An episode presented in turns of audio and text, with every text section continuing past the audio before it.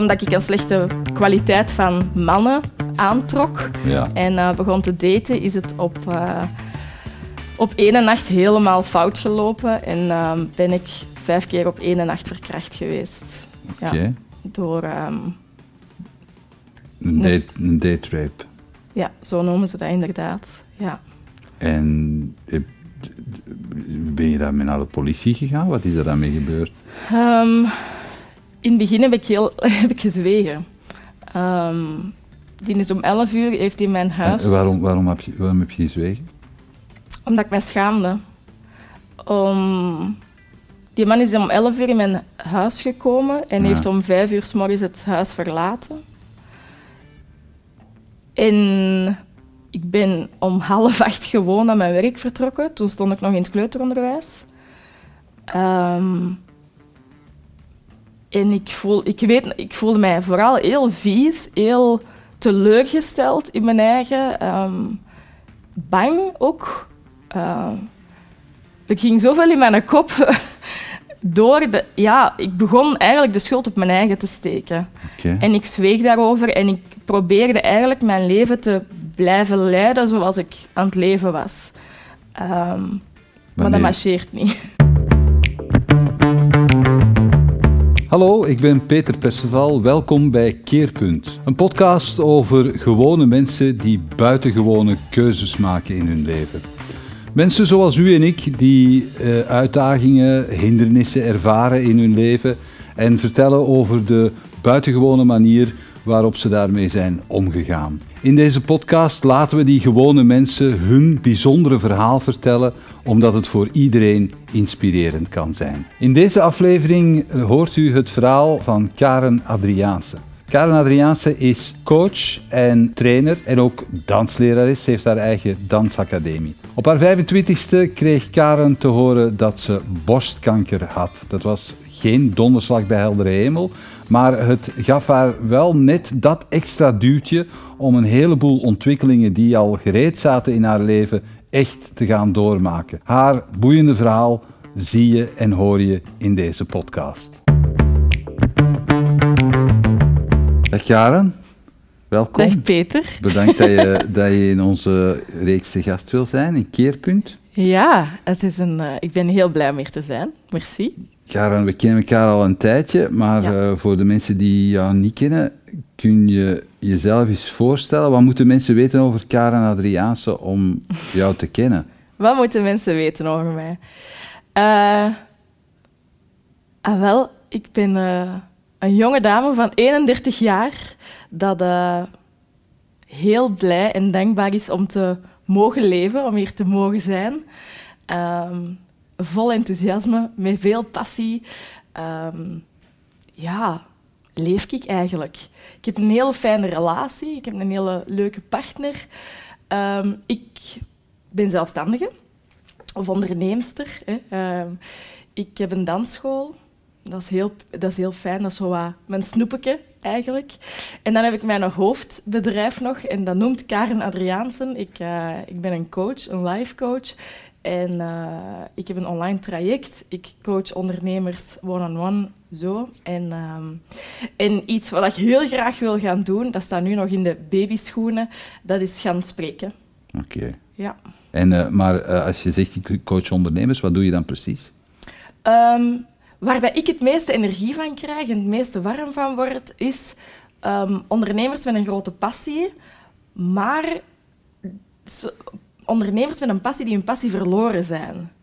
Doordat het zo druk wordt, doordat hun passie zo'n verantwoordelijkheid wordt, ehm, waardoor dan soms eh, hun gezin niet meer goed loopt en dergelijke, om die mensen terug back on track te brengen en eh, terug plezier te doen beleven, terug een, een nieuwe passie zoeken of, eh, of, of een, een, een, een andere weg in die passie te vinden, waardoor dat, dat terug eh, opflakkert. En- Is dat, is dat iets dat je bent beginnen doen omdat je, om wat dat je hebt meegemaakt in je leven? Ehm, dat beeld is klaarder geworden door Mhm. wat ik heb meegemaakt in mijn leven. Maar beginnen coachen, ja, hè, dat, dat heeft absoluut te maken met de, de hobbelige weg die, eh, die ik al heb meegemaakt. Ja. Ja. Uh, we gaan het er uitgebreid over hebben in deze, in deze podcast. Maar ik wil eerst eens weten, als je, als je naar jezelf kijkt toen je 15, 16 was, wie was je toen? Waar, waar droomde je van? Wat, wat wilde je doen? Als ik terugdenk aan dat meisje van 16 jaar, dan... Uh, ik heb altijd een hele grote lach op mijn gezicht. Al heel mijn leven gehad. Uh, maar op mijn... Nu meen ik die lach. En toen, van binnen, was ik een heel gekwetst wezelke. Um, ik was een heel... Ja, van binnen was ik heel ongelukkig en heel verloren in de wereld. Um, ja, dat is gestart met dat ik op vrij jonge leeftijd mijn mama verloren ben. Hmm. Ik ben niet, die, die leeft nog. Um, maar die, uh, nadat mijn ouders gescheiden zijn op mijn tien jaar, heeft zij een relatie, een nieuwe relatie aangegaan. Die man was niet zo, uh, ja, hoe moet je dat zeggen, niet zo goed met kinderen, niet zo goed met ons. Die, uh, die behandelde ons niet zo goed.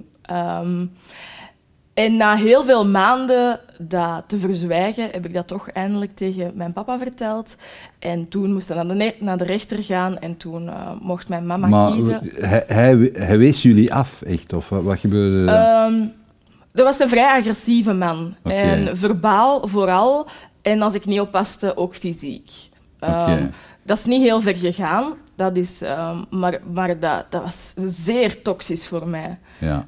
Um, een hele negatieve en uh, niet zo goede omgeving voor mij. Tot op het moment dat ik dat dan vertelde tegen mijn papa. Waren hele kleine dingen. Hè. Ik mocht mijn gsm bijvoorbeeld niet opladen, want dat was zijn elektriciteit. En dan moest ik daarvoor betalen en zo van die dingen. Ja zo tot in die kleinste dingen. Als je de, de foto van de koning niet uh, herkende, dan uh, was dat een grote ramp en dan moest ik oppassen, moest ik gaan lopen. Was want, hij een uh, militair of zo? Ja, dat was een militair. Oh god. Ja. ja. ja. Oké, okay, ja. Maar dus, toen dat, dat aan het licht kwam, mocht mijn mama kiezen tussen haar partner of haar kinderen, omdat haar partner niet meer in onze buurt mocht komen. En uh, heeft zij gekozen voor die partner.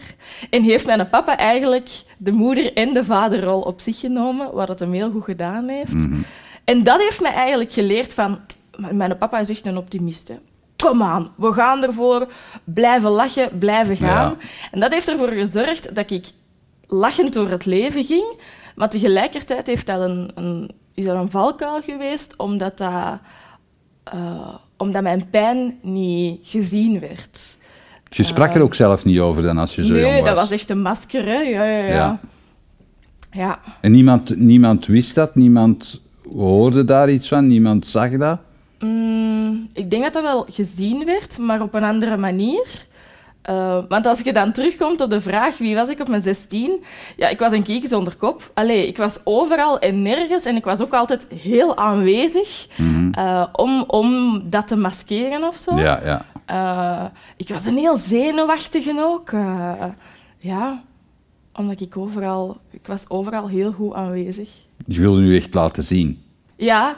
En Komt daar ook wel... uw danspassie vandaan dan? die heb ik altijd al gehad, zover ik dat weet. Stond ja. ik als kleine petotter al met het Swingpaleis de vrijdagavond in de living te dansen. En uh, heb ik altijd gezegd, wow, ik ga daar ook staan later. Dus ik heb eigenlijk heel mijn leven gedanst. En daar, daar kwam ook mijn grote geluk van. Dus ik ging ja. maar naar school en... Um, op school was ik niet zo gelukkig, ik deed daar mijn ding, ik was er ook niet zo goed. Maar na de school uh, ging ik mezelf ontplooien door theater te doen, door te dansen, door te gaan zingen. En, uh, en dat hield mij wel recht of zo. Ja. ja. ja. Je, hebt dan, uh, wat, je hebt dan studies gedaan om onderwijzer te worden, toch? Hè? Ja. ja. In, de, in de hogeschool. Ja. Kleuteronderwijzer is, wil je worden. Ja. Heb je, dat heb je ook gedaan? Dat heb ik ook gedaan, ja. Um, dat is eigenlijk gekomen door... Uh, mijn papa is een geboren en getogen leraar. Ja. En ik ben altijd met kinderen goed geweest. Dus dat was een logische stap zo. Oh, maar jij moet in het onderwijs komen. Ja, dat gaat zo goed zijn. Je zit zo goed met kindjes en ja. uh, met kindjes.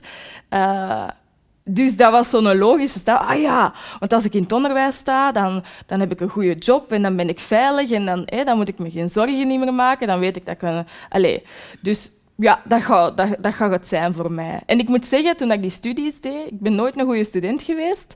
Tijdens die studies, dat heb ik flawless gedaan. Ja. Dat ging vanzelf.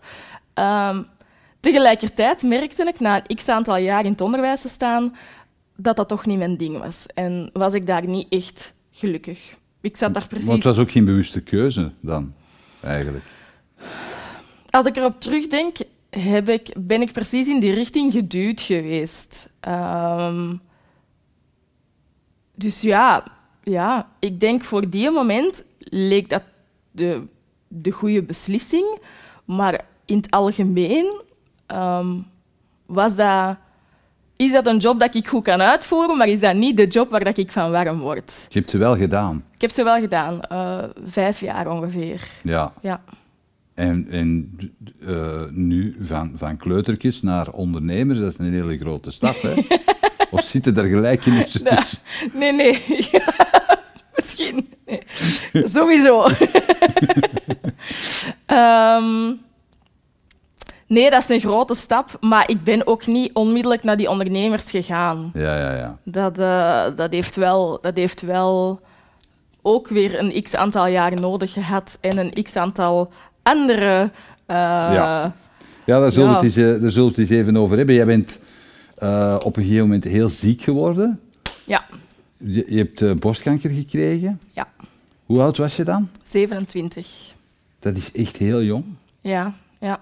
ja. Wa- hoe, hoe is dat nieuws bij jou gekomen? Ehm, rond mijn 20 jaar. Er is een gen in onze familie. Het BRCA1-gen noemt dat. Dat is zo gekend van Angelina Jolie, die heeft dat ook. En die heeft dan ehm preventiever borsten laten weghalen. Hmm.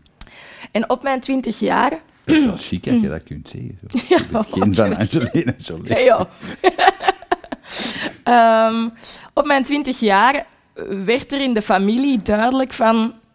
Hier is iets aan de hand. Ja. En dan zijn ze beginnen testen. En ehm, omdat mijn papa ook drager was, kon hij dat 50-50 eh, doorgeven aan zijn kinderen. Ehm, ik, ben, ik heb mij laten testen en ik was positief. Ehm, dus dat wilde Dus dat eigenlijk wist zeggen... al op je twintig. Ik wist het al op mijn 20, ja. Dat, dat, je het, dat je grote kans had om het te krijgen. Ja, want ik denk, als, als de cijfers nog maar in juist in mijn hoofd zitten, als je als, als normale vrouw, als je dat gen niet hebt, dan eh, heb je 40, kans, 40% kans op borstkanker. Maar als je dat gen wel hebt, dat je 80% hebt op borstkanker. En dat is ook met eierstokkanker. Een gewone vrouw heeft daar 11, ehm 2% kans op en ik 11. Dus dat is... Hè, Ja. Ehm, maar ik moest me geen zorgen maken, zeiden ze. Als je rond de 35 preventief je borsten en je eierstokken laat weghalen, dan zitten we safe. En, ehm, en zo heb ik ook altijd, amai, altijd verder geleefd. En ehm, ineens, ja, op mijn 27 was het zover. Dus je had niet de hele tijd zoiets van oei, oei ik moet oppassen, ik moet, ik moet mij goed laten controleren. Nee, eigenlijk zelfs in tegendeel. Ik had daar weerstand tegen. Ja. Ehm, en daar raad ik nu wel af. Ehm, ik had heel veel weerstand en ik had zoiets van, maar ik leef gezond en ik ben gezond, want ik danste 20 uur in de week. Ik, ik heb nooit gerookt, nooit geen drugs genomen. Allee, ik, ik was een fitte, sportieve madame. Ehm, Wat was dan Dus- de aanleiding om je te laten onderzoeken uiteindelijk? Eh, mijn partner die zei, ik had, dat, ik had dat verhaal verteld en die zei, ja, heb jij je wel laten testen? Heb jij je wel... eh?" Ik zo, ja, maar ik heb dat ooit eens gedaan en toen was er niks. En ehm, ik zeg maar, dat is on- ongeveer anderhalf jaar geleden. En toen zei hij hem, kom aan, we gaan dat toch, we gaan dat toch doen. Als dat zo belangrijk is, dan moeten we dat doen. En eh, dan ben ik met een heel klein hartje terug naar de gynaecoloog gegaan. En toen is het heel snel gegaan. Dat is eigenlijk heel bijzonder bij de gynaecoloog, die heeft nog gevraagd, kende jij je borsten? En we zijn mijn borsten beginnen onderzoeken. Ehm, niks aan de hand. Ik heb daar zelf ook keihard aan gevoeld en geleerd hoe dat ik dat moest onderzoeken. Maar omdat ik al zo lang gewacht had, hadden ze sowieso gezegd, we gaan sowieso een MRI inplannen en dergelijke. Ja, En twee weken later moet ik die een MRI doen. En ehm, ietsje daarvoor begon mijn borst van onder pijn te doen. Maar ze zeggen een tumor doet meestal geen pijn. Maar... Dus ik dacht, ik heb op, verkeerd op de grond gerold met dansen of dergelijke. En ehm, toen was het een MRI en dan kwam er uh, nog een echo van ja mevrouw, geen zorgen, maar we gaan toch nog een echo doen. Ja, ja. Van die echo, geen zorgen, maar we gaan toch een punctie doen. En dan ineens uh, Ja. kwam dat nieuws. Ja. Als ze zo tegen u zeggen, ja, ja, geen zorgen, maar we gaan nog een onderzoek doen, wat voelde dan? Eigenlijk, ja... Door mijn positiviteit dacht ik, "Maar, dat komt wel goed. Maar eigenlijk weet het al. Zo, hier is echt iets niet goed, want dat was de vorige keer allemaal niet. Al die extra stappen.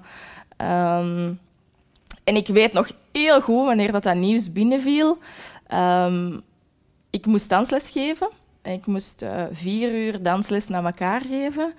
En dat was op een dinsdag. En ik ging normaal eigenlijk... Het was op een donderdag dat ik, dat ik al die testen had gedaan. Mhm. Op de, op de vrijdag gingen ze misschien iets laten weten, maar dat ging, dat, ging wat, hè, dat, dat ging wat vroeg zijn. Dus maandag gingen ze mij zeker iets laten weten. Maandag kwam er geen telefoon. Ik heb dinsdag constant aan die telefoon gehangen. Geen nieuws. Ik zeg, mannen, ik moet straks dansles gaan geven. Ik, als ik die danslessen goed wil doen, dan wil ik even wat tijd hebben om dat te processen of, of, Mhm. of relief te hebben. En eh,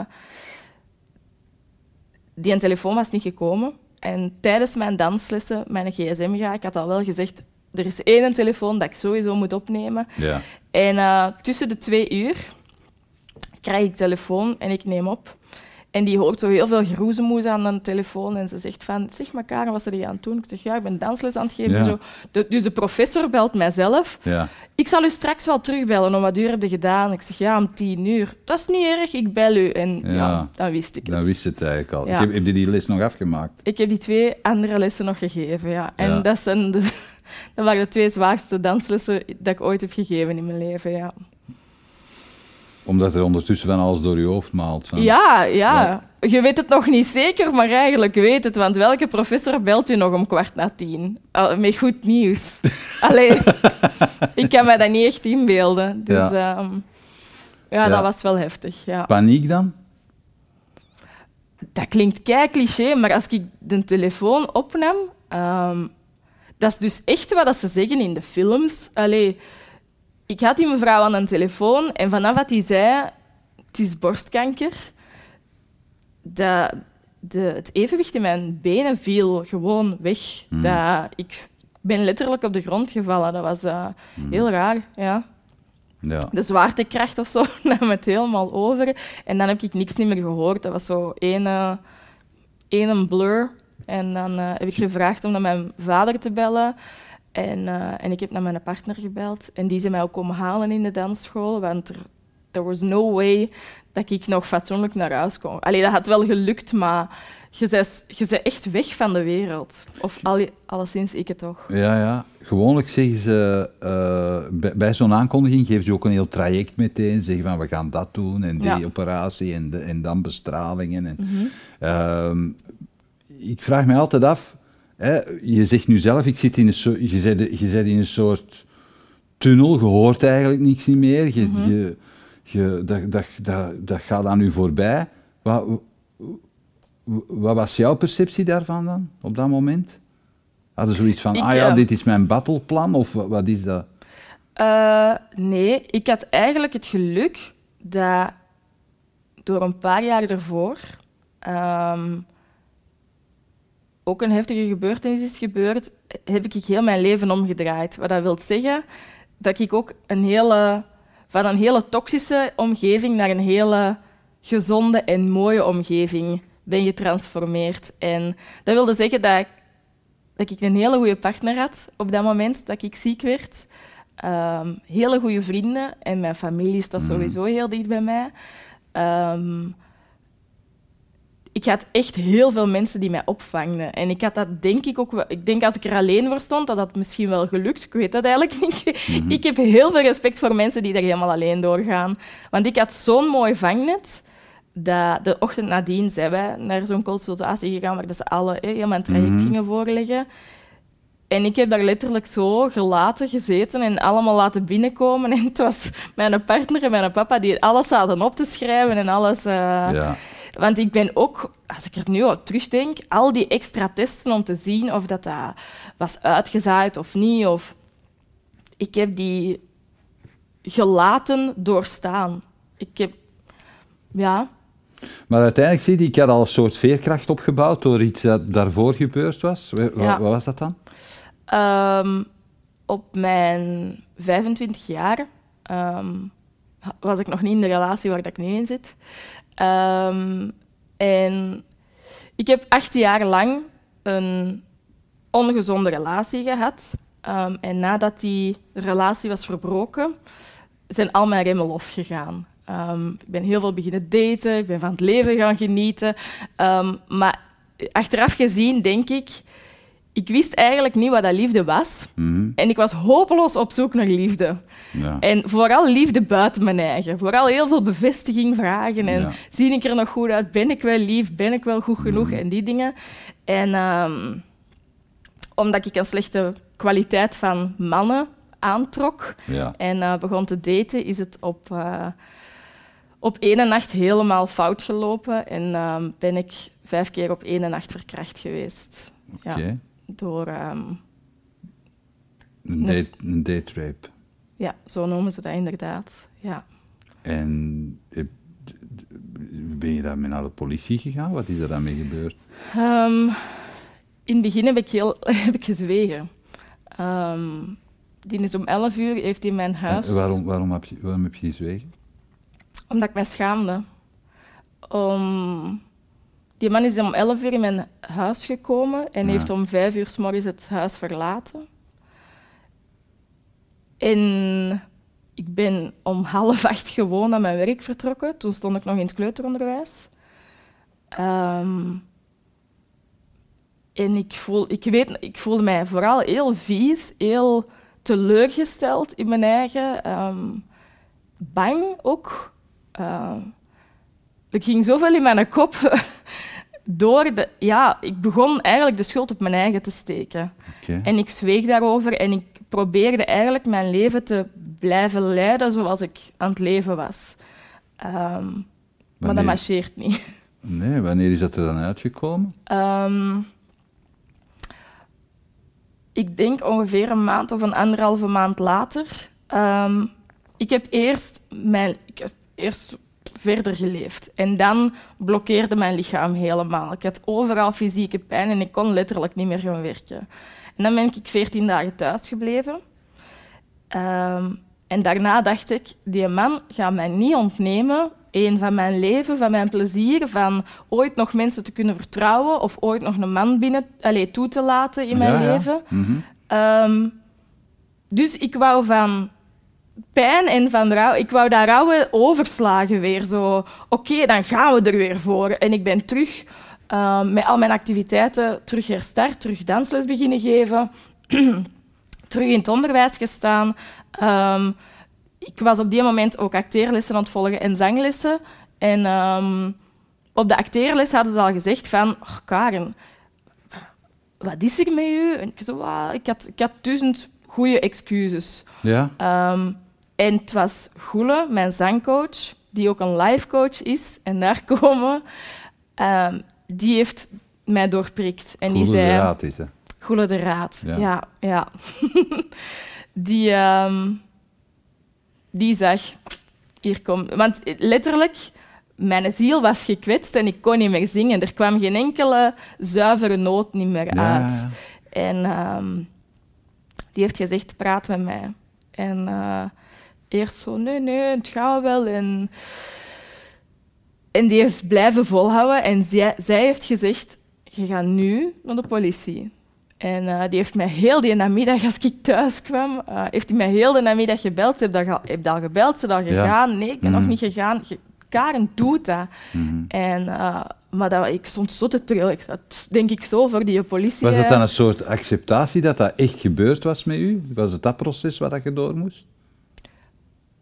Ja, ik denk dat erkennen en dat dan ook nog eens bevestigen en aan iemand anders vertellen. Mhm. eh, ja, dat was... En daarvoor was het het wegduwen eigenlijk. Ja, dan was ik het aan het wegduwen en aan het ontkennen. En ik ben sterk, jawel, we kunnen dat. Ehm, maar dat frit in je lichaam helemaal. Hè. Dat, dat is Mhm. bijna onmogelijk.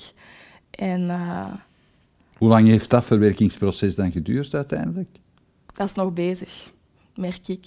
Oh, Aan wat merkte dat? ehm, ik zou zeggen, vroeg mij een jaar geleden, zet het erover. Mhm. En dan zou ik ja hebben gezegd. Mhm. En doordat ik er nu meer over aan het spreken ben, merk ik...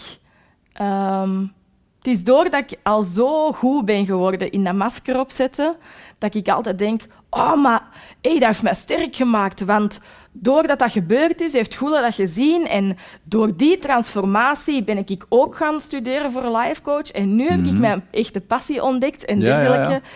Ik zo denk, ja, die, dat trauma heeft mij sterker gemaakt. Maar ik heb heel veel therapie. Ik, ik, heb, ik ben in therapie geweest. Ik heb hypnosetherapie gedaan. Allee, ik heb heel veel gedaan om eh, de pijn met dat trauma te, eh, de navelstreng te doorknippen. Ja, om dat, Mm. om, dat, om dat weg te krijgen echt dan?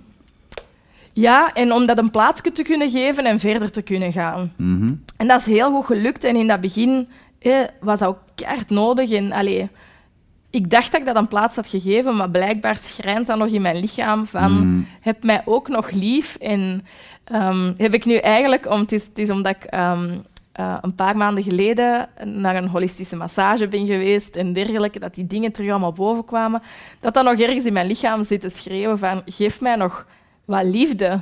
Ehm, want ik, zo, ja, Geef, me, geef wat dan wat liefde, wat is dat dan? die, die gebeurtenis. Je moet, dat niet, je moet dat niet altijd vanuit, je, ik noem het dan de mannelijke energie. Ik ben sterk geworden, wauw, ja. Ehm, maar daar zit ook nog dat, al- dat heel klein meisje dat heel hard gekwetst is geweest. Mhm. Ehm, en dat vraagt van... Om het... Allee, eigenlijk zeg ik nu... Ik dacht dat het niet oké was om nog te huilen voor, over iets dat vijf jaar geleden is of langer geleden is. Mhm. En nu ben ik op dat punt gekomen van... Als je dat voelt, hè, is dat eigenlijk oké. Als je, als je daar nog eens aan denkt of er is iets gebeurd wat je triggert en, aan, en, en heel dat proces gaat terug door je hoofd, is het best oké om daar nog eens verdrietig over te zijn en die emoties ook te laten zijn. Ja. Ehm, en dat is wat ik bedoel van... Het is oké om, om nog wat aandacht te geven. Niet om terug in slachtofferrol te, te hervallen, of, Mhm. om, eh, maar wel om dat echt een plaats te geven. Maar ze zeggen ook dikwijls, eh, allee, om dan terug naar de kanker te gaan, hè, want de, het verwerkingsproces dat je nu schetst, dat is nog aan de gang, zeg je. Maar je, je, je, je hebt dan gezegd van ja, door die gebeurtenis was ik wel beter gewapend toen ik Ja, naar de kanker moest. ja, Omdat dat... ik hoor mensen dikwijls zeggen, en in de, in de gesprekken die ik heb, heb gehad over, over het gegeven eh, kanker, dan, dan hoor je mensen dikwijls zeggen, je moet er tegen vechten. Hè? Je, moet het, je, moet, je, moet, je moet dapper zijn. De mensen die erin zitten, die, die, die denk- zeggen iets helemaal anders. Hoe, hoe was dat bij jou? Ehm, heb ik daar te... Ja. Ik kan, ik kan niet zeggen, ik heb dat zo gedaan. Allee, zo... Ik heb dat anders benoemd dan... Je moet er tegen vechten. Ik, heb, ik weet nog heel goed dat ik... ehm, de avond dat we het nieuws kregen, dat we met z'n allen aan tafel hebben gezeten en dat we onmiddellijk al bezig waren met... Oké, we gaan ons niet focussen op wat we niet meer kunnen binnenkort, maar we gaan ons vooral focussen op wat zijn alle dingen die je nog wel kunt en wat wilde dan allemaal ehm, Mhm. Bereiken of wat wilde, hey, wat kunnen we nog wel doen en ja, zo ben ik eerst alle Netflix-films beginnen kijken dat ik ooit wilde zien. Ehm, maar dan gaat het veel verder dan dat. En ik weet nog dat ik met krokodillentranen in mijn... Allee, geen krokodillentranen, dat waren echte tranen, maar... Natuurlijk, ja. Ik zat in mijn bed te huilen en ik, ja, de eerste chemo's waren toegediend. En ik voelde mijn lichaam hè, stilletjes aan aftakelen. Eh, in de angst, wat gaat er komen? Wat gaat er gebeuren? En dan kwam die vraag bij mij terug. Maar wie... Je kunt niet terugdraaien wat er nu aan de hand is. De diagnose kanker die is gevallen, dat is een feit, punt. Je kunt daar niks tegen doen nu. maar waar dat je 100% verantwoordelijkheid over hebt, is hoe dat je ermee omgaat. En daar zit een, een groot verschil in. En ik dacht, wie wil ik nu zijn in deze proces en wie wil ik zijn na deze proces? En dat heeft mij eigenlijk heel recht gehouden. Dat heeft ja, ik hou Wie, ervan. wie wilde je dan worden na dat proces? Wil je iemand anders worden dan? Eh, niet iemand anders, maar wel iemand sterker. Oké. Ehm, en mijn grootste passie is mensen inspireren en mensen op de hoogte brengen van hoe dat uw, uw brein werkt en hoe dat, dat, resultaat, eh, hoe dat, dat uw resultaat van vandaag de dag beïnvloedt. Mhm. En ik dacht, hè, want van de ene op de andere dag mocht je niks niet meer doen, want je hebt kanker. Mhm. Je mocht niet meer gaan werken, je mocht niet meer gaan dansen, ik mag niet meer coachen, ik mag niet meer gaan spreken.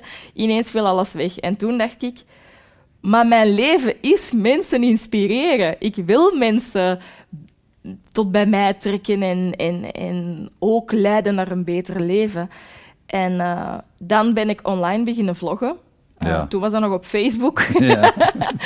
Ehm, en ik ben mijn verhaal beginnen delen. Ehm, met, de, allee, met de mindere, zonder horror en toe te voegen en, en bloemetjes toe te voegen, maar het echte Ja. verhaal gewoon. Vandaag voel ik me kut. Ja. En dat komt daar en daardoor. En dan deel ik, maar ik heb het omgedraaid op deze manier en nu stuk ik er weer zo in. En ehm, zo heb ik eigenlijk heel veel, voor heel veel mensen iets mogen en kunnen betekenen, die ook eh, eh, in donkere tijden hoe, zaten. Hoe, wist je dat? Kreeg je daar door de reacties op? feedback, ja. ja, ja, Wel- Welke soort reacties kreeg je dan?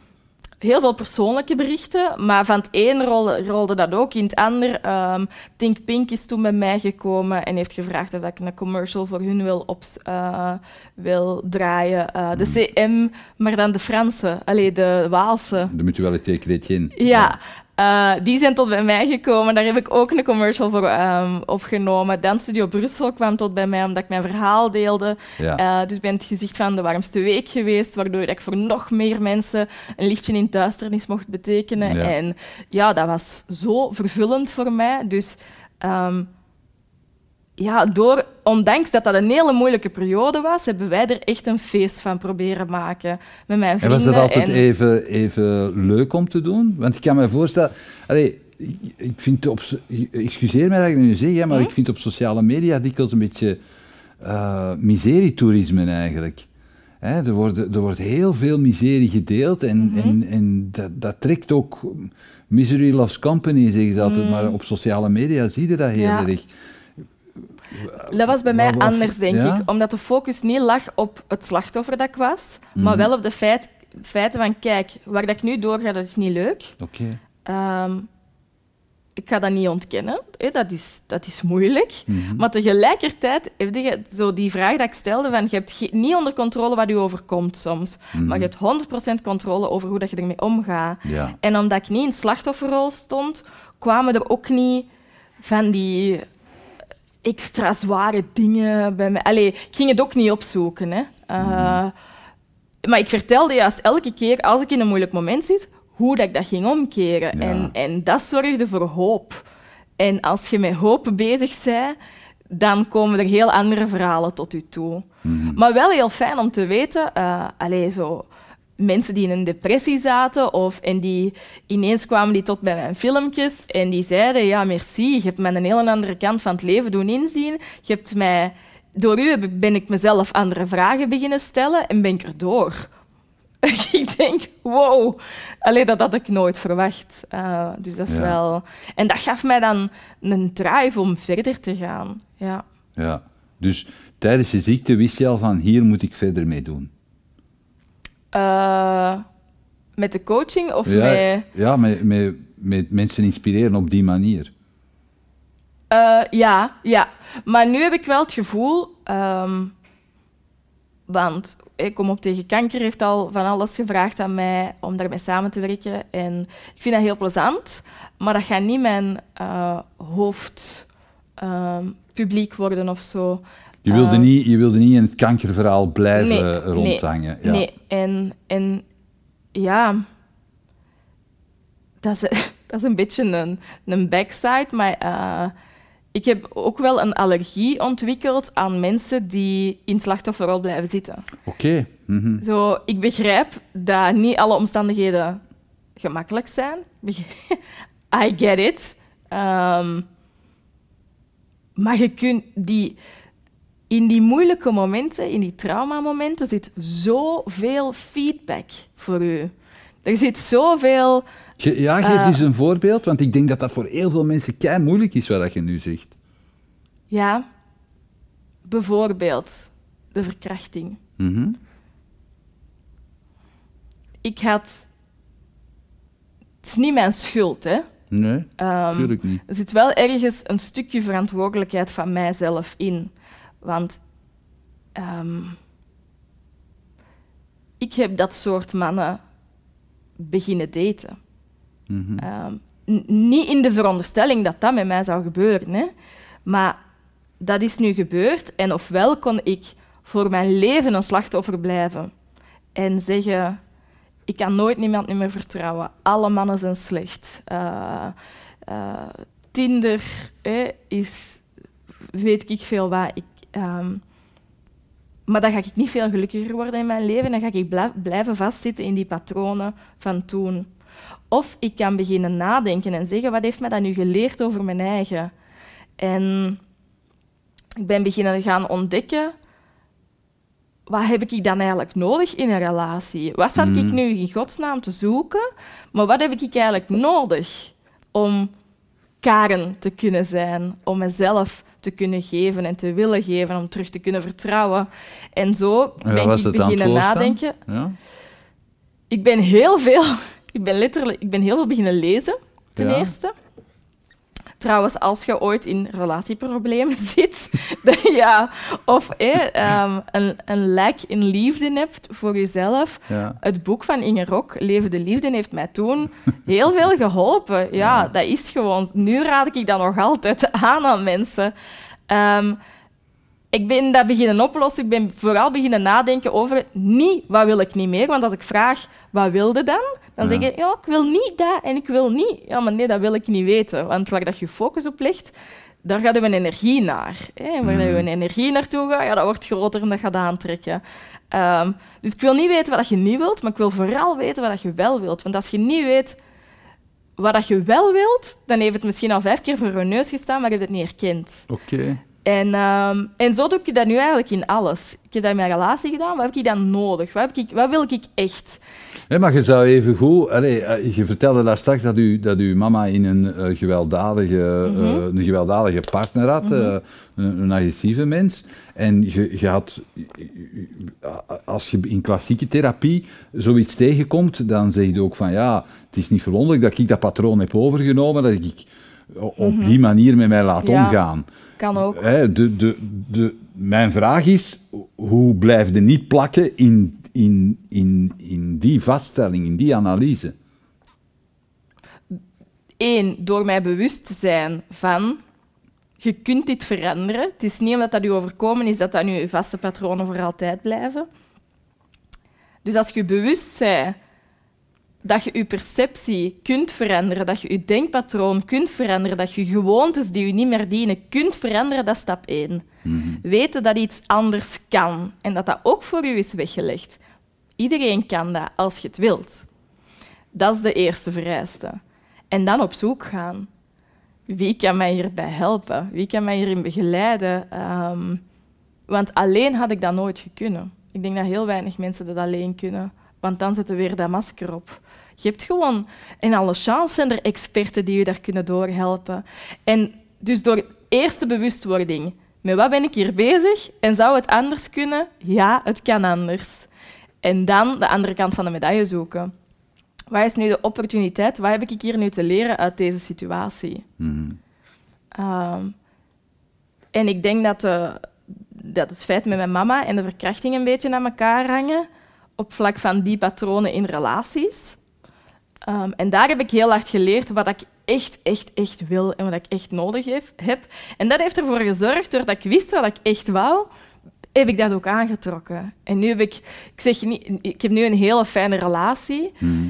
Ik zeg niet dat dat nu altijd roze geur en maneschijn is. Nee, dat is ook... Mhm. hè, daar moeten we ook aan blijven bouwen en blijven eh, communiceren en dergelijke. Ehm, en dat gaat ook met zijn ups en downs. Maar het is wel iemand... ehm, waar ik mezelf bij kan zijn, waar dat ik een traan mag mee laten, waar dat ik mee kan lachen, eh, die kan vertrouwen. ehm. en als we het dan hebben bijvoorbeeld over de kanker, dat heeft mij vooral geleerd om eens gas terug te nemen en hulp te aanvaarden. Was dat een Ehm, moeilijkje nog? Ja? ja, ik deed alles. Ik, ik was een sterke, onafhankelijke vrouw. Hè. ik kon alles zelf en ik ging alles zelf regelen, maar dat is niet nodig. Eh, Maar ik, ik hoor u dat nu zeggen en ik, eh, ik ben, ik ben eh, graag eh, bereid om dat te geloven, omdat ik u goed ken. Maar ik denk, er zijn- er zijn een heleboel mensen die dat verhaal horen en die misschien zullen zeggen van ja, maar ik, ik, ben, ik sta er altijd alleen voor. ah ja, Wat zeg je maar tegen dat die begrijp mensen ik. Als je altijd er al alleen voor hebt gestaan en je hebt dat ook niet toegelaten, dan komt dat ook niet. Ik heb heel veel mensen die tegen mij zeggen... Ja, maar Karen, ik geef zoveel en ik geef zoveel en ik geef zoveel, maar ik krijg zo weinig terug. Mhm. En ehm, dat was een hele grote les voor mij. Ik had dat gevoel ook. Ehm, totdat iemand tegen mij zei... Ja, maar heb je dat al eens gevraagd aan personen wat je nodig hebt? Ik zo, hmm, nee. ja, en wat heb je dan nodig? En soms had ik daar geen antwoord op. Dus hoe kan iemand voldoen aan je verwachtingen als jij zelf niet weet wat je wilt ontvangen? Hè? in de liefde kan dat bijvoorbeeld zijn. Hè? Sommigen zeggen, "Oh, maar je ziet mij precies niet graag. Hè? Of ik krijg niet wat ik nodig heb. En dan vraag ik je, maar wat heb jij nodig? En dan moeten die al nadenken. Zeg ik, heb jij gewoon heb jij een compliment nodig? Of heb jij een knuffel nodig? Dat zijn twee helemaal andere dingen. Hè? Of wilde jij gewoon eens dat ze een bloemetje van de straat plukken en zeggen dat is nu eens een cadeauke voor u? Word jij daar warm van? Of wilde jij eh, verzorgd worden? Of wilde jij eens gewoon quality time hebben met Wat wilde jij? Wat zoekte jij? Want uw partner kan u nog zoveel quality time geven als jij wilt. Als jij gewoon een compliment wilt, ja, dan ga je inderdaad je niet geliefd voelen. Ja. Dus zoek eens eerst wat je nodig hebt. En gaat dat, gaat het dan vragen, want verwacht alsjeblieft niet van mensen dat ze het u gaan geven, want die weten dat niet. Hmm. Die weten dat niet. Ook al vind jij dat maar normaal. Die weten dat niet. En dat werkt zo met je collega's, met je vrienden, met je partner. Allee, We're not Zo. mind readers. nee. Ja. nee. En gewoon dat toelaten, omdat, om één is te ontdekken, wat wil ik dan eigenlijk van die persoon? Ik heb dat over laatst nog met een vriendin gehad. Ik, onze relatie is heel lang zo goed gegaan. Mhm. Ehm, en op een bepaald moment voelde ik heel vaak teleurstelling. Ja. En ik dacht, maar wat is dat nu? En in plaats van te zeggen, ja, we zijn uit elkaar aan het groeien, we zijn geen goede vriendinnen meer, we laten dat verwateren, ben ik gaan nadenken welke noden van mij zijn veranderd naar die persoon toe. En toen dat ik ontdekte van eigenlijk wil ik meer aandacht van die persoon of meer, meer banden of eens meer iets horen hoe dat met u is, ehm, dat ik dat kon communiceren en dan kunnen we daarin tegemoet gaan, in te- elkaar daarin tegemoet Ja. komen. En daar is niks needy aan of eh, ja, maar ja, dan verwacht ik zoveel of dan nee, dat is, Is daar een soort angst voor eh, kwetsbaarheid bij, bij mensen, denkt u? Dat ze dat niet durven zeggen? Ja? Tuurlijk. Dat is, want een nood vertellen is je kwetsbaar opstellen. Hè? En daar houden we allemaal niet van, want dan kunnen we gekwetst worden. Is dat vlot gegaan, dat proces bij u? Is dat tijdens de kanker vlot gegaan om, om te zeggen van ja, Eh, mm, ik, heb, eh, ik heb hulp nodig? eh. nee. nee, want ik was een one-woman show. Hè? Allee, ik kon alles alleen en ik...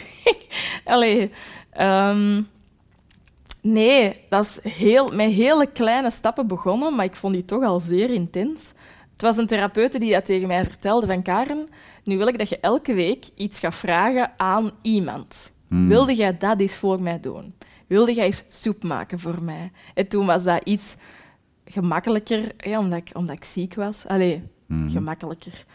Of vraagt, wilde jij nu eens een bloemetje meepakken voor mij? had- eh, waarom was dat gemakkelijker? Was dat omdat je niet, Omdat geen grote schrik had voor afwijzing dan? Omdat je dacht van, ze zullen wel zien dat de reden is waarom dat ik dat vraag? Ehm, ja, omdat ik, omdat ik iets meer zorg nodig had. Dat was, in, dat was op het moment dat ik alle... Ik had over niks meer controle. Ik was zo hard afgetakeld. Mhm. Uh, want ik heb acht maanden chemo gehad. Ik denk dat dat in de zesde of de zevende, ja, of de zevende en de achtste maand was. Ik kon niks niet meer. Ik lag in mijn bed. Ik kon nauwelijks naar de badkamer stappen. Ik kon, ik kon mijn kommetje soep niet meer in één trek leeg eten, omdat dat fysiek te zwaar was. Dus ik had over niks niet meer controle. En, uh, en dat was heel moeilijk.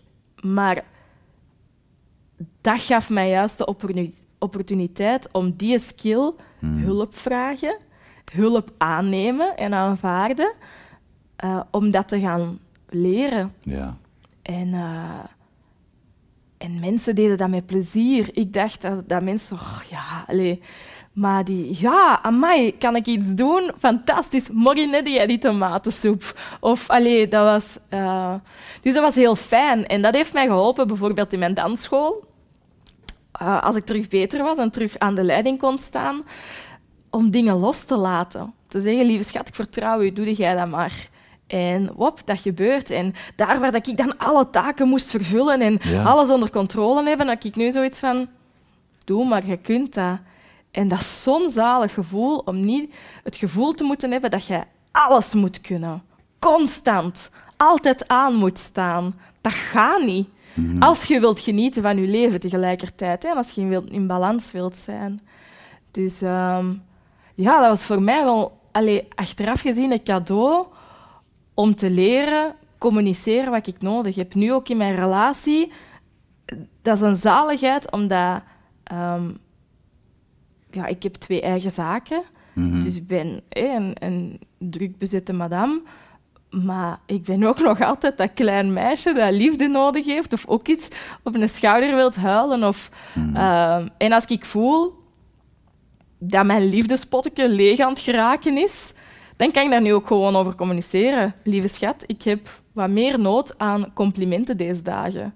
Kun je mij er tegemoet aan inkomen, ja of nee? Mm. Um, en dat is fijn om dat nu gewoon zonder schroom te kunnen communiceren. Ja. Als ik uh, naar mijn papa toe van papa, ik heb nu nood aan dit. Mm. Aan rust, of juist wel aan samenkomen, of weet ik veel wat. Komen er nooit conflicten uit dan? Dat hij zegt, ja, ik heb er nu geen tijd voor. Of...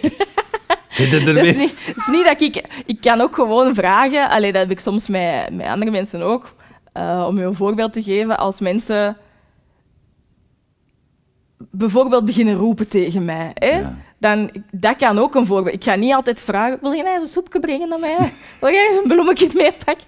Dat gaat over veel andere dingen. Ik, dat kan ook van, ik merk dat jij je stem opheft nu en ik heb Ja. nood aan rustige communicatie. Mhm. Kunnen we hier rustig over praten, zodat we tot een, een goede oplossing kunnen komen en niet de sterkste die wint, alleen want dan verliest iedereen. Hè, Dus daar gaat dat ook over. Dat is eigenlijk communicatie hè, in je Ja. van... Ik merk dat dit nu gebeurt. Dat gaat eigenlijk in mijn innerlijk los over mijn grenzen. Wat heb ik nu nodig van die persoon om tot een goed resultaat te kunnen komen? Dat we rustig met elkaar praten. Ik ga mij even terugtrekken en dan kunnen we rustig verder praten. Of, uh, Zie, Jij hebt, je hebt een hele tijd erover gedaan om dat allemaal te leren, hè? want dat is, Tuurlijk. dat is uh, als, je, als je vertelt van je 25 tot nu, Mm -hmm. dat, uh, dat, dat, zijn zes jaar waar het er heel veel gebeurd is. Mm -hmm. um, ja. hoe, hoe lang moet jij mensen zelf begeleiden voordat ze zo'n dingen onder de knie hebben? Dat is zo schoon, hè. Eens dat je door hebt hoe dat werkt, kan dat vrij snel. Oké. Okay. Ik geef bijvoorbeeld trajecten van tien sessies. Mm -hmm. En ik weet, na zes, zeven sessies zie ik ze bijna niet meer. Dan komen ze zo na zoveel maanden nog eens af en toe terug om hun blinde vlekken weg te halen. Maar het draait eigenlijk, dat is zo schoon aan, aan het brein. Hè. Uh, we leren daar niet over, hè. dat is zo stom eigenlijk. Maar weten hoe dat u brein werkt, Mhm. hoe dat je bewustzijn met je onderbewustzijn, dus eigenlijk je denkend brein en je voelend brein, hoe dat die communi- communiceren met elkaar en hoe dat die elkaar constant willen saboteren. Eens dat je dat begrijpt, ehm, weten waar, waarvan je blokkades komen of zijn je bewust van, ah, ik wil dat, maar ik heb duizend excuses om dat niet te moeten doen, ja, dan weten dat is een blokkade. Wat zit er nu achter? En hoe ga ik dat nu kunnen transformeren? En is Maar iedereen bereid om die excuses op te ruimen? Nee, Dat, daar ben ik nieuwsgierig. nee, nee. 80% van de bevolking niet. Oké. Ehm, maar dat is oké. Dat is oké. Eh, ja, ik heb daar ook geen vooroordeel of zo over. Zo, sommige mensen ehm, zitten graag waar dat ze zitten. En dat is oké. Mhm. En als dat voor hun oké is, is dat voor mij ook oké. En dan ga ik mij dat... Vroeger was dat wel. Ehm, zes jaar geleden, hè, toen ik juist was afgestudeerd. En, Ja, maar wat dat je dat ziet is dat hè, heel veel van die mensen die, die, die, die dat wel fijn vinden waar dat ze zitten, die, gaan, die, die staan wel voortdurend met de vingers te wijzen naar ja, maar in die en ja, maar dat Mhm. Ja. is... En, dat is het ding van verantwoordelijkheid triggert nemen. u hè. dat niet? Vroeger wel. Vroeger, vroeger had ik het licht gezien, hè, Peter. Mhm. dan dacht ik, wow, ik wil iedereen dat leren, maar dat, zo marcheert dat niet. Iedereen heeft zijn eigen proces en iedereen mag zijn eigen proces hebben. En dat is niet goed of dat is niet slecht. Allee, dat is wat het is. Mhm. En wie ben ik om te zeggen dat het anders kan tegen de persoon dat toch niet wilt veranderen op dat moment? Ik heb wel gemerkt, de mensen die constant om raad komen vragen, hè, toen in mijn omgeving, en die doen daar niks mee. Na 10, 11, 12 keer heb ik het gehad. Hè. En dan denk ik, het is rond. Allee, ik bedank u voor uw diensten en voor uw vriendschap, maar nu is het, is het afgerond voor mij, want dat vraagt gewoon veel energie. Zo, dat zijn van die mensen die gewoon komen klagen bij u. Ja en, ja, en dan komen die klagen en zagen en dan vraag ik je, maar wat, wil, wat wilde dan? En dan zeg je, Ja. dat is goed, hè. Ja, dan denk ik, waar heb ik dan nu juist twee uur naar zitten luisteren? Of ze zeggen dan van, ja, ik ben al blij dat ik het eens heb kunnen zeggen. Ja, maar dat snap ik. Dat mag dan weer wel. Hè? Ja. Zo, af en toe is gewoon een luisterend oor aanbieden. Ja. Maar dus ik ben wel afgestapt van constant te adviseren of te coachen. Hmm. Of als ik een luisterend oor voor iemand kan zijn, dan denk ik, ik ben een luisterend oor. Maar ik laat dat ook niet meer tot mij komen dan. Hmm. Of in mij kruipen. Zo. En dan, dan nog naar huis, oh, en toch erg, en hoe kunnen we dat oplossen? Nee, dan laat ik dat ook los. En Je, dan- je engageert u daar niet in, dat wilde dan ja, ja. En mensen die echt willen veranderen, Mhm. die echt klaar zijn om verantwoordelijkheid te nemen. Want verantwoordelijkheid nemen heeft twee dingen. Eén, dat is heel plezant, want jij zult komen waar dat je wilt komen. Mhm. Jij, zonder twijfel. Hoe lang dat je erover doet, dat weet ik niet. Hè? Ehm, Mhm. Maar je zult daar geraken waar dat je wilt geraken. Without a doubt. Het vervelende van verantwoordelijkheid opnemen is dat je nooit meer je vinger kunt wijzen. Door die, dat en door die. Eh, dat gaat niet meer. Mhm. Want je hebt altijd een eigen aandeel. Het verhaal komt altijd van twee kanten. En als je zegt, ja, maar doe die, ja, wat is uw aandeel? Misschien heb jij niet goed genoeg gecommuniceerd. Misschien heb jij in haar noden niet tegemoet gekomen of in zijn noden niet tegemoet gekomen. Wat is uw aandeel en wat is uw les hier om te leren? Uit deze ruzie, uit die moeilijke omstandigheid, uit die ziekte, uit... Ik ben er wel van overtuigd, maar enkel als je wilt, hè, hoe moeilijk je situatie ook is, hoe zwaar, zelfs met verlies, je kunt er altijd iets positiefs uithalen. Mhm. Wilt dat zeggen dat dat de pijn wegneemt? Nee. Maar je kunt er wel altijd iets uit leren. Ehm, de, wanneer is de, de, het licht terug beginnen schijnen in uw behandeling eigenlijk? Dat je zoiets had van, oké, ik, eh, ik kan nu terug een beetje beginnen rechtstaan. Ehm, ik kan nu terug aan de toekomst denken, want ik neem aan dat je dat niet kon. Als je nee, er is wel een periode de geweest dat... dat- ik, ik weet wel, eh, want na mijn chemoperiode, hè, dus de allerlaatste, die zijn ja, super zwaar, want je lichaam is zo aangetast. En dan begint dat terug op te bouwen. En dan voelde, je voelt dat wel vrij snel, vanaf dat er geen chemo niet meer toegediend wordt, dat je zo... Bij mij, hè, ik kan niet voor iedereen spreken. Ja, ja, tuurlijk. Merkte ik wel dat mijn energie stilletjes begon terug te komen. Dus dan kon ik al eens een half uur uit huis en terug.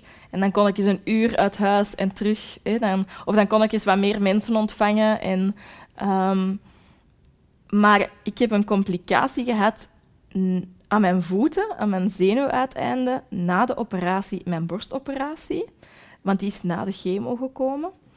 Ehm, en dat was eigenlijk een van de donkerste periodes, omdat ik um, mijn zenuwuiteinden van beide voeten waren aangetast. Dus dat wilde zeggen dat ik in beide voeten geen gevoel meer had, maar heel veel gevoel had. ja. raar om dat uit te leggen. Die tintelde constant ja. en die wil, wouden altijd in klauwen trekken, mijn voeten. Waardoor dat ik ook niet meer goed kon stappen. En um, dat was constante pijn. Die pijn was altijd aanwezig voor een terug een komende acht maanden, want niemand wist wanneer dat, ging opgelost worden. En het enige wat ik kon doen, was door te fietsen op een home trainer en door ijsbaden en warme baden te nemen, dat dat wat counterde. Um, en dat was zo'n zware periode. Dat was de periode dat ik niet aan de toekomst heb gedacht.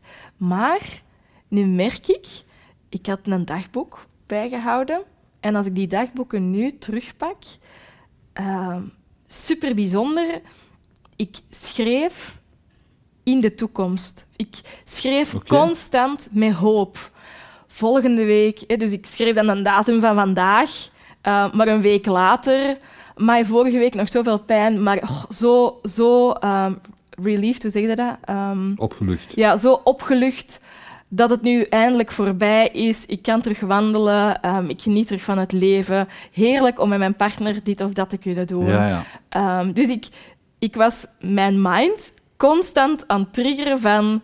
Ik was er constant aan het omdraaien van... Oké, dan gaat het gedaan zijn. Dan gaat het mm. gedaan zijn. Ja, uh, ja ik, ik gaf mijzelf constant hoop van... Kom aan, we gaan hier door. Maar, uh, maar op die moment zat ik er helemaal onderdoor. Ik lag letterlijk op mijn home trainer te slapen mm. met een kussen. En, uh, zodat ik maar kon trappen, zodat die voeten eindelijk even zouden stoppen. Ja. Als je dat nu uh, vertaalt naar uw ondernemerspubliek, hoe, wat is daar de vertaling van eigenlijk? Dat je uit elke moeilijke situatie een opportuniteit kunt vinden. Mm Als jij verantwoordelijkheid daarvoor wilt nemen. Mm ja. En dat, zeker voor ondernemers, wat daar eigen aan is, en zeker ondernemers met een grote passie, um, die doelen liggen zo hoog die uh, hun dromen, allee, the sky is the limit heel vaak bij die personen, maar die zijn die hebben ook die rugzak dat iedereen in het leven draagt, dat hun tegenhoudt van datgene wat ze willen. Hmm. En vanaf dat ze daar een beeld op hebben van, ah, marcheert dat dan zo, ineens zijn die vertrokken. En dat, dat is dan ook ineens vertrokken, zonder Nee, Zonder gesputer. Het leven is altijd met ups en downs. Hè. Het is mhm. niet omdat ik nu door heb hoe dat ik mijn moeilijkheden kan transformeren naar opportuniteiten, dat ik niet meer in, in, in processen zit. Alleen dat ik, ik denk soms ook, wat moet er nog bij? Allee, kan ik, kan ik even een pauze krijgen, alstublieft? Dat, uh, er blij, er blijven op, uh, uitdagingen op mijn pad komen. Bij iedereen. Achter elke hoek of achter elke bocht dat je neemt in het leven, gaat een uitdaging staan. Dat gaat je niet kunnen tegenhouden. Dat, dat is het leven. Wat je wel kunt tegenhouden, is de pijn dat je daarvan ervaart.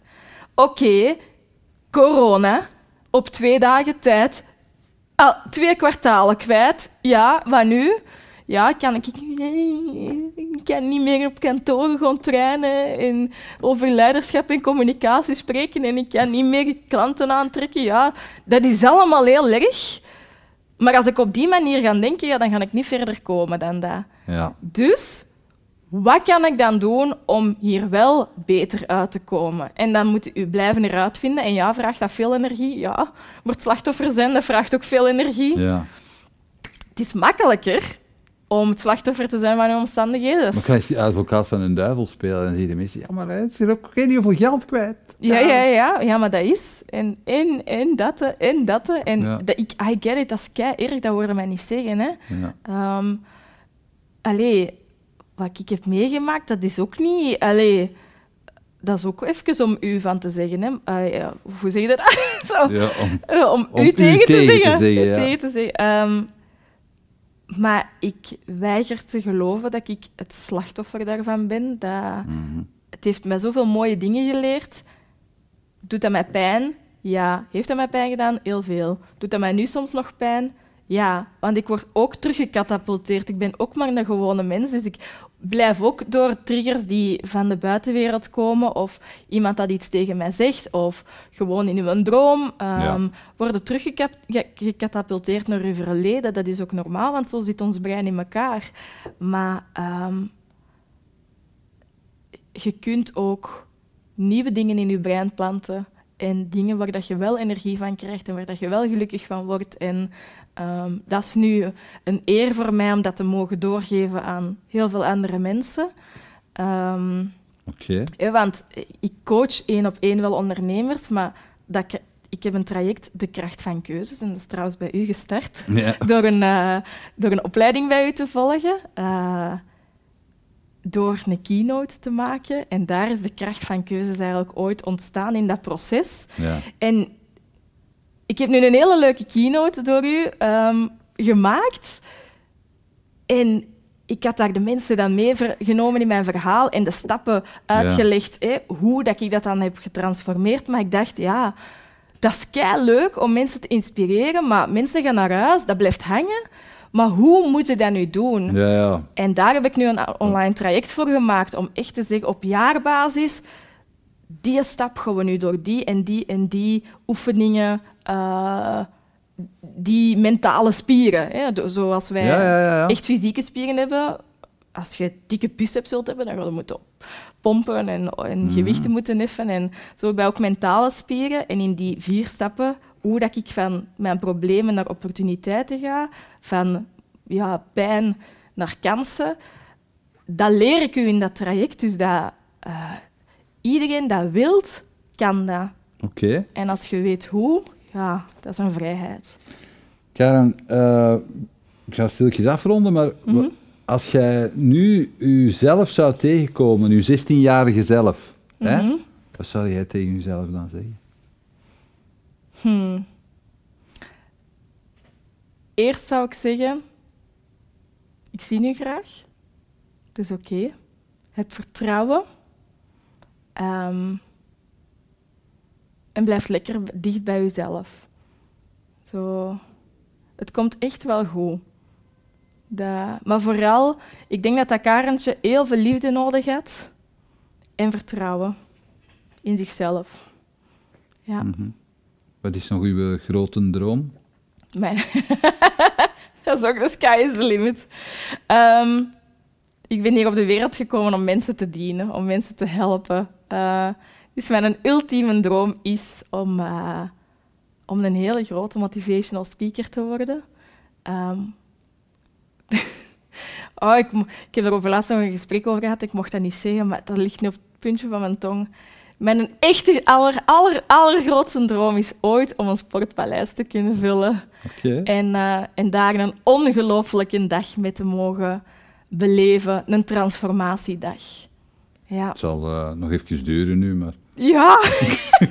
ja, en ik geniet nu toch maar 200 man in. Ja, en dat zou, wel, dat zou wel geweldig zijn. Ik ben nu kleine evenementjes aan het organiseren voor, ehm, voor, voor 20, 25 mensen. Daar krijg ik al ongelooflijk veel Mm. energie van. Dus ik ben heel dankbaar voor waar ik nu sta. En dat is een droom. En als dat komt, wow, fantastisch. En als dat niet komt, dan zal er waarschijnlijk iets in de plaats zijn gekomen. Dus dat is ook goed. Oké, Ja, fijn. Was een fijn gesprek, bedankt. dat is En, graag eh. Heel veel succes. Hè. Dank je wel. Jij ook.